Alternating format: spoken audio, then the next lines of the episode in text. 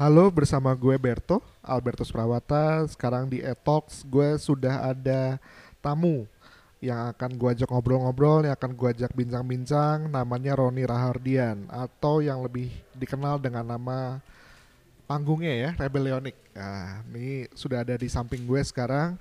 Eh, mungkin Mas Onik silakan Mas, mungkin bisa perkenalkan, bisa disampaikan perkenalan diri dulu lah supaya bisa pada tahu siapa Mas Onik ini. Selamat pagi. Kebetulan di sini pas record pagi ya. Oke. Eh, nah, oh ya sebelumnya gini kita nge-record di mana? Di Oh, iya. di Dago Coffee Shop baru. Hari ini kita lagi ada di Bandung, ada di sebuah coffee shop namanya di Dago di Jalan eh, Insinyur Haji Juanda Bandung ya kebetulan. Ini keren banget eh, bangunan restorasi atau revitalisasi lebih tepatnya jadi bangunan lama yang direvitalisasi ulang oleh arsitek ternama Bandung Mas Bayu Arianto kebetulan. Jadi nanti teman-teman yang sempat main ke Bandung silahkan datang aja ke di Dago Cafe. Keren banget tempatnya. Silakan Mas Onik. Oke, oh sama satu lagi nambahin. Ini mungkin eh, podcast spesial. Karena direkam pas di tempat coffee shop di Dago yang ngebikin lagi mau merit hari ini. Congrats ya Bay ya, congrats ya, Bay. Jadi podcast ini akan diawali dengan congrats ya, Bay. Oke. Perkenalkan saya Onik.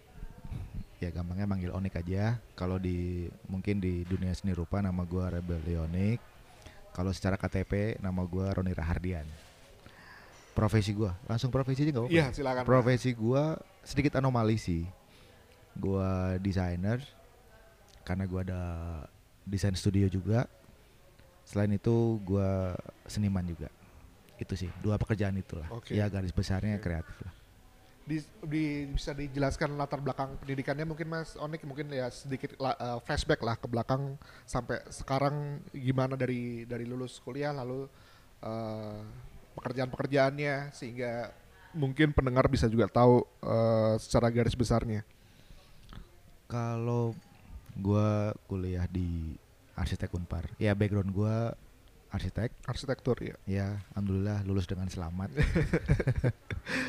Terus pekerjaan gua sekarang eh, mengelola desain studio, kemudian berkarya secara ya perkesenian seni rupa lah gitu. Hmm, Karya gua tuh eh, dengan signature itu ultraviola. Oke. Terus mungkin ini langsung pekerjaan-pekerjaan gue yang udah Mungkin dikerjakan iya, atau mungkin dari lulus itu pernah pernah berarsitektur kah atau pernah ngapain jadi kita bisa tahu progresnya Mas Onik sampai sekarang. Kalau pas habis lulus sih gue sempat mencoba menjadi arsitek. Eh, ya seenggaknya gue udah kuliah mungkin empat setengah tahun gitu ya. Lama juga ya. udah gitu pengen mencoba menerapkan ilmunya ternyata ya nggak nggak nyaman gue. Oke. Akhirnya ya udahlah nyerah gue jadi arsitek. Udahlah saya jadi desainer aja. Oke, oke.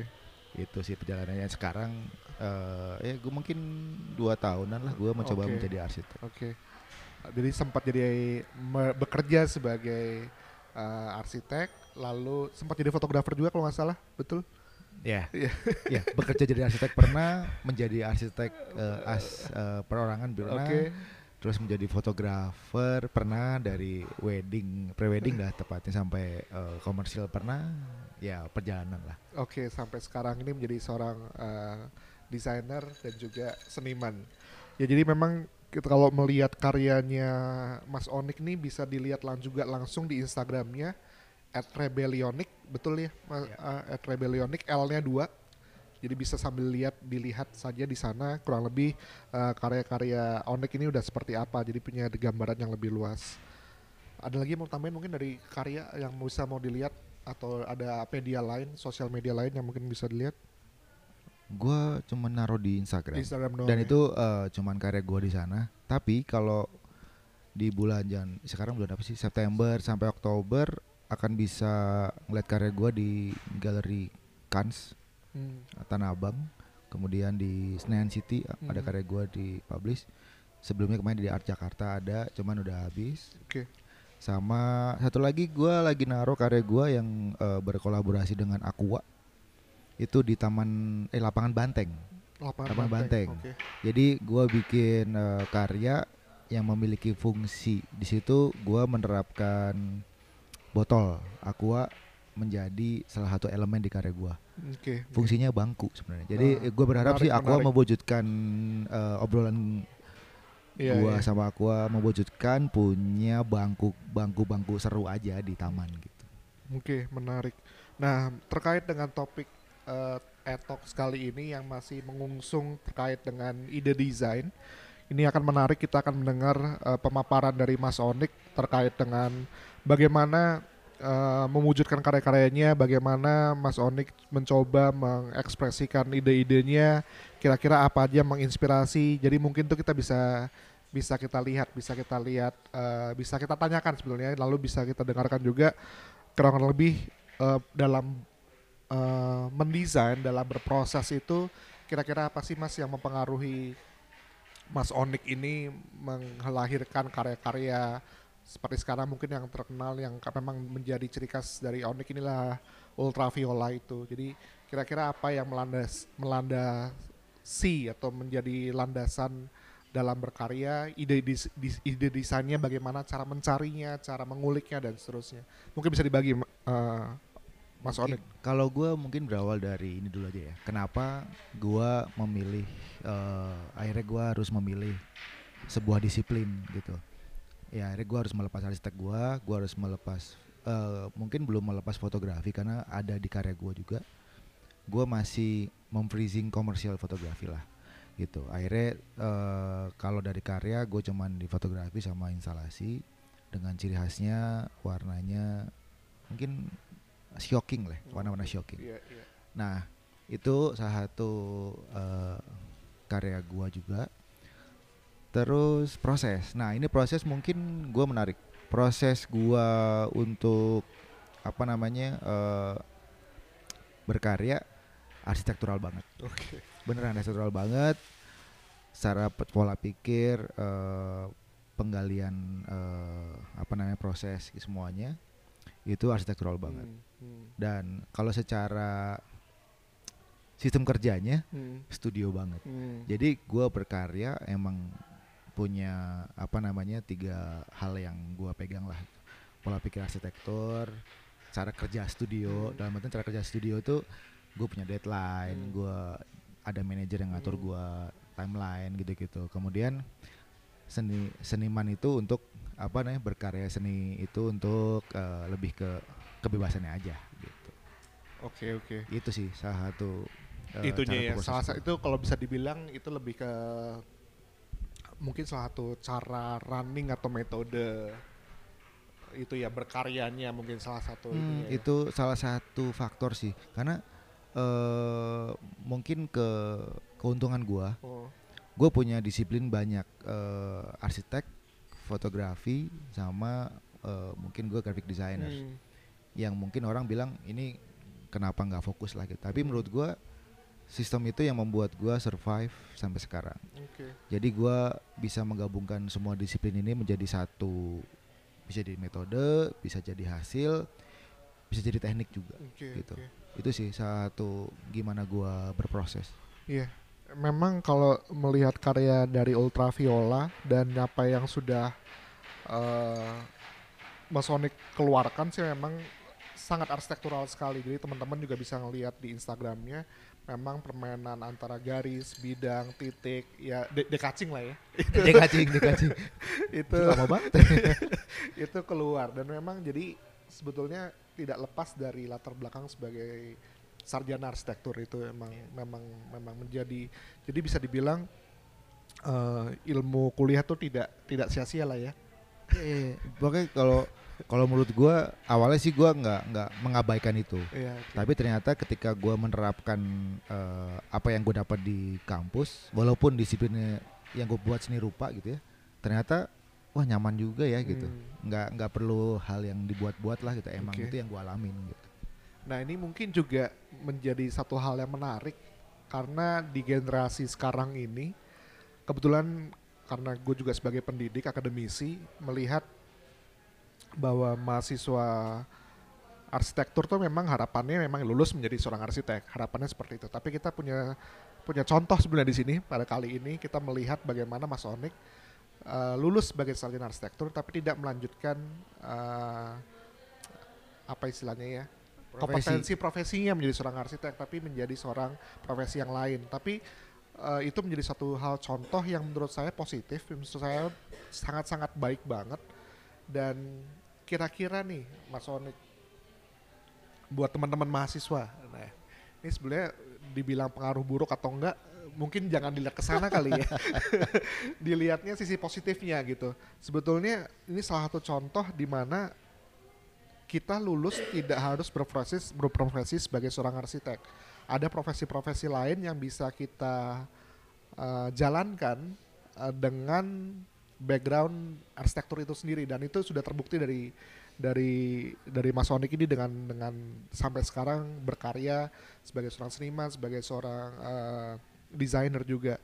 Nah kira-kira nih Mas Onik untuk teman-teman mahasiswa yang yang merasa ini biasanya di semester semester akhir nih semester 6 nih gue gue DO udah tanggung banget gue mau gue mau nerusin gue udah enak banget yeah. gitu kira-kira penyemangat apa sih yang bisa atau trik atau tips yang bisa dikasih ke teman-teman ini pendengar ini? Kira-kira kalau nanti oh, udah tahu nih gue nggak mau di arsitektur tapi gue udah di semester akhir yang ya elah ini gue juga masih pakai duit bokap nyokap yang gini gitu lah ya. Jadi ya, harus ya, gue ya, punya ya. tanggung jawab gitu. Kira-kira apa nih mas yang bisa disampaikan? Uh, kalau menurut gue uh, ya itu banyak sih ya teman gue nyemplung gitu. Uh, aduh gue malas juga jadi arsitek nih sebenarnya gitu. Tapi kan menurut gue nggak nggak ada salahnya. Ternyata setelah gua tapi gua baru menyadari setelah lulus sih sebenarnya. Pas gua kuliah ya gua sebenarnya dulu enak bukan karena arsitekturnya karena tugasnya. Gue beneran gue sama arsiteknya tuh gue merasa keren. Tapi karena tugasnya bikin gue enak yang males gue aduh gue kenapa gue harus begadang ya gini gini ini kayak banyak nih yang kayak gini deh iya sebenarnya tuh kuliah itu yang paling gue bikin sebel tuh sebenarnya ya tugas-tugas yang di mana tugas itu gue nggak suka kayak tiba-tiba harus ngetik apa dulu estetik uh, eh, yeah, ini yeah. apa namanya uh, budaya apa Iya, esai-esai lah. Esai-esai yang yeah. sebenarnya nggak ada hubungannya sama kreatif, sama yeah, desain okay. ataupun sama arsitektur itu. Yeah. Uh, apa namanya dulu UKM apa UKM lagi? Uh, itu apa uh, MKU MKU UKM MKU. Nah itu gue jeblok semua.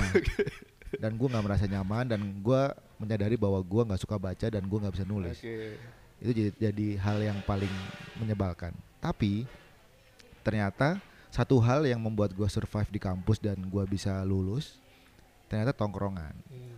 jadi uh, eh, gue me, apa namanya mengalihkan keenakan gue mengerjakan tugas di arsitek itu dengan nongkrong hmm. seenggaknya uh, eh, gue terobati lah dengan nongkrong keenakan gue dengan tugas-tugas itu yang melanjut gue bisa melanjutkan semester demi semester dan uh, ternyata tongkrongan itu yang membentuk gue hmm. karena di dalam tongkrongan kita nggak ngomongin arsitek hmm. Eh, nggak hmm. uh, ngomongin uh, mata kuliah yang ada tapi lebih kayak oh ya for your info kita nongkrong karena kabur dari kelas sebenarnya dan kita ngomongin tentang wah keren banget ya kemarin uh, dia gambar nih kayak dulu teman gue kayak arkif Iya. Dia arsitek juga. Betul. Dan dulu ketika di studio kita gambar pakai pensil, dia udah pakai uh, Corel waktu itu. Yeah. Terus pakai aeros aerosol. Kayak ada gue lihat, wah seru ya gitu. Nah terus nongkrong di Selasar ada yang seniman lah, yang suka gambar, betul, tapi nggak ada kayak influence influence itu yang membuat gue uh, survive. Kedua ternyata mempengaruhi gue, literally mempengaruhi, yang membuat gue punya pemikiran, oke okay deh, gue cepetin lulus, habis lulus gue akan melakukan uh, hal-hal yang menginfluensi gue hmm, hmm. itu sih jadi kayak hmm. pas gue keluar tapi gue tetap nyobain arsitek siapa tahu hmm. ini peruntungan gue hmm. ternyata kagak hmm. beruntung hmm. gue berantem mulu sama tukang yeah. sama dulu ya gue nggak enak juga sama tim gue karena gue menerapkan sebuah pola pikir seni atau desain dan arsitektur yang waktu itu mungkin awal-awal kalau bisa bangunan tuh tangga ya tangga ya harusnya railingnya bener gitu nggak uh, boleh gini gini yeah. gini akhirnya oke okay deh kayaknya emang gue nggak di situ yeah, cabut lah gue yeah, ya yeah. kalau uh, disingkat dari semua itu buat yang masih belum lulus dan merasa gue iya apa enggak ya di iya, arsitek yeah, itu yeah. lanjutin aja uh. karena ilmu arsitek itu paling gampang diterapkan di segala hal menurut gua gua beruntung eh, keluar dari arsitek dan akhirnya gua bisa menuangkan karya mungkin dalam nggak dalam bentuk bangunan Hmm. tapi kalau dilihat itu arsitektural banget Hmm. gitu ya gua akhirnya berusaha jujur bahwa karya gua arsitektural banget dan itu kejujuran gua dan gua nggak mengada-ada gitu akhirnya Iya, ya iya. udah jadilah Iya. karya-karya gua Iya. yang sebenarnya sejujurnya Oke. gitu dan gua nggak usah mengada-ada karena udah dapet ilmunya gua Oke. oke. itu kalau emang eh, buat teman-teman yang masih merasa gantung di Iya, arsitek iya, gitu iya. lanjutin aja dan serap ilmunya serap ilmu arsitekturnya karena itu akan kepake di habis lu lulus gitu Hmm.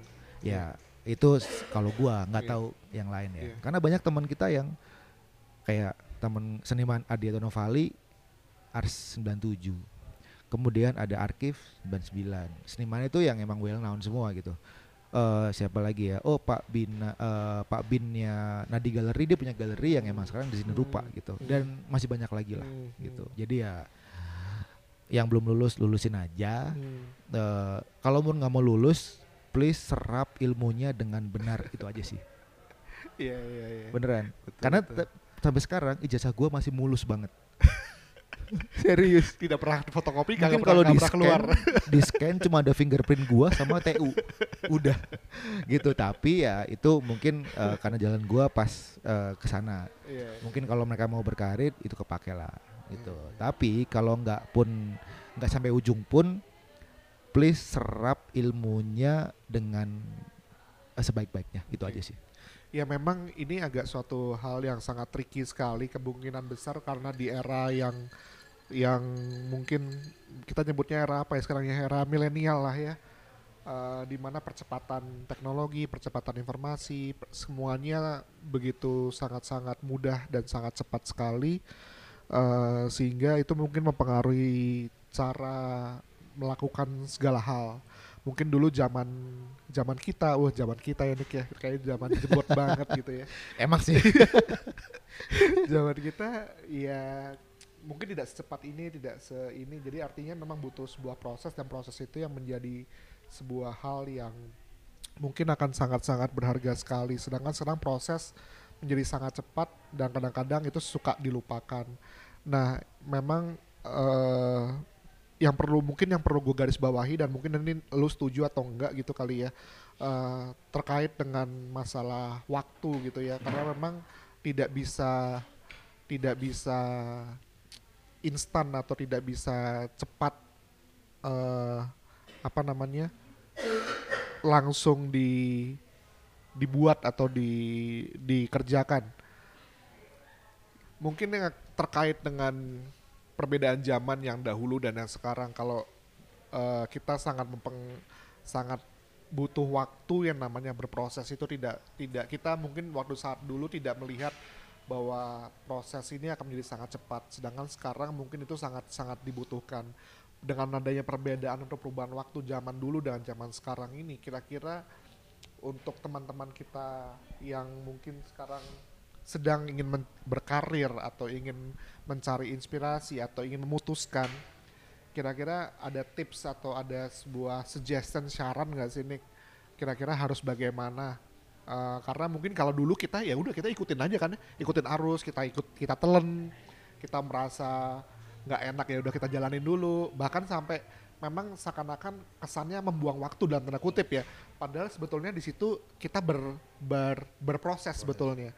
Nah sekarang mungkin kita kalau kita dihadapkan dengan hal semacam seperti itu eh, bisa jadi kita malah nggak betah kita nggak tahan lalu kita bisa mengambil shortcut memutuskan yang suatu hal yang mungkin tidak tepat gitu nah kira-kira apa ya gue juga agak bingung sih sebenarnya Nah, iya, iya, memberikan kebayang, sebuah kebayang. solusi Karena itu kalau sekarang tuh eh, percepatan informasi itu sangat-sangat mengaruhi segala hal Hmm. gitu. Kadang proses karena kadang karya itu eh, kuat di proses, Mm. kadang-kadang Mm. berkarya. Mm.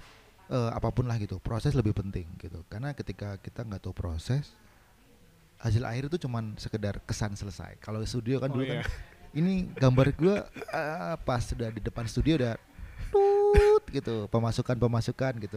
Udah dah kesan selesai aja. Yang penting ada garis pinggir gitu gitu. Nah itu mungkin terjadi sekarang. Karena Ah, orang banyak banget eh, info masuk update. Itu udah kalau dulu mungkin karena nggak ada internet nggak ada sosial media yang seupdate sekarang dulu gua harus beli buku atau apa pun eh, nunggu ada workshop gitu Nah, betul, informasi kalau sekarang kan kayak eh, oh iya dulu kita ke luar negeri susah iya, iya, dalam iya. artian mahal Iya, banget tiketnya dan Iya, iya. sekarang dengan tiket murah itu salah satu Iya, hal yang Bisa, bisa, kita bisa. gunakan untuk mencari referensi betul, gitu. betul, betul, betul. Nah, kalau gue mungkin baru bisa bilang kalau gue pribadi eh proses itu gue taruh di nomor satu Oke, dari segala karya gue. iya. Hasil akhir eh itu gue belum pikirin terlalu jauh sebelum proses itu berjalan. Hmm. Karena kadang-kadang di tengah proses itu segala hal bisa terjadi. Hmm. Yang awalnya kita akan bikin A bisa jadi tuh di ujung eh, A apostrof Hmm. gitu atau A B Z gitu. Hmm. Jadi eh, proses itu akan membuat kita eh, apa namanya mematangkan karya. Hmm. Kedua, ketika berproses lu akan menemukan beberapa alternatif ataupun beberapa pengembangan yang lu nggak akan kepikiran di awal Hmm. gitu. Hmm. Gua pribadi aliran gua itu eh, function follow form. Hmm. Jadi gua akan bergerak dari gua mau bikin apa dulu Hmm. baru gua memaknai eh, seiring proses itu. Hmm. Nah, pemaknaan itu akan menimbulkan makna-makna baru dan bentuk-bentuk baru. Jadi makna dan bentuk itu akan selalu ber bersinggungan yang membentuk kayak apa membentuk hal-hal baru lah. Hmm. gitu. Hmm. Jadi kalau kalau kalau eh, orang itu ketika normal dikasih kena polusi akan ber apa namanya eh, jadi alien alien kena polusi lagi jadi apa lagi berevolusi terus nah itu mungkin eh, kenapa gue menaruh proses di nomor satu Oke. karena hasil akhir itu akan selalu bagus menurut gua ketika proses lu bener-bener eh, lu jalanin. Oke. itu sih itu menurut gua ya gitu. dan juga mungkin gue juga mau menggarisbawahi dalam konteks ini artinya fokus tuh mungkin juga jadi satu hal yang yang yang penting juga kali ya Ya, ya, fokus fokus, fokus. eh, bisa jadi. Tapi kalau fokusnya mungkin nggak mesti misalkan lu arsitek arsitek doang gitu. Tapi gua mencoba menerapkan tiga fokus seni rupa, eh, desain sama eh sorry eh, desain sama eh, seni rupa Hmm. apa namanya eh, seni lah. Iya. Tapi kalau ditarik garis besar dua hal ini fokusnya satu kreatif. Udah Oke, gitu aja sih. Oke. Ya, itu mungkin yang juga juga mungkin gue jadi garis bawahin di sini memang eh, tujuan Onik fokusnya adalah menciptakan suatu hal yang baru dari sisi aspek kreativitas. Baik itu dari keluarannya outputnya produk maupun juga eh, artworks. Eh, Onik udah bisa tahu nih eh, in the end ada suatu hal yang ingin dia coba capai. Nah, ini mungkin juga bisa ditiru oleh teman-teman juga bahwa eh, fokus dan menentukan uh, prioritas mungkin ya salah satu halnya itu juga menjadi satu hal yang yang perlu di, ditentukan terlebih dahulu sebelum kita melakukan sebuah action.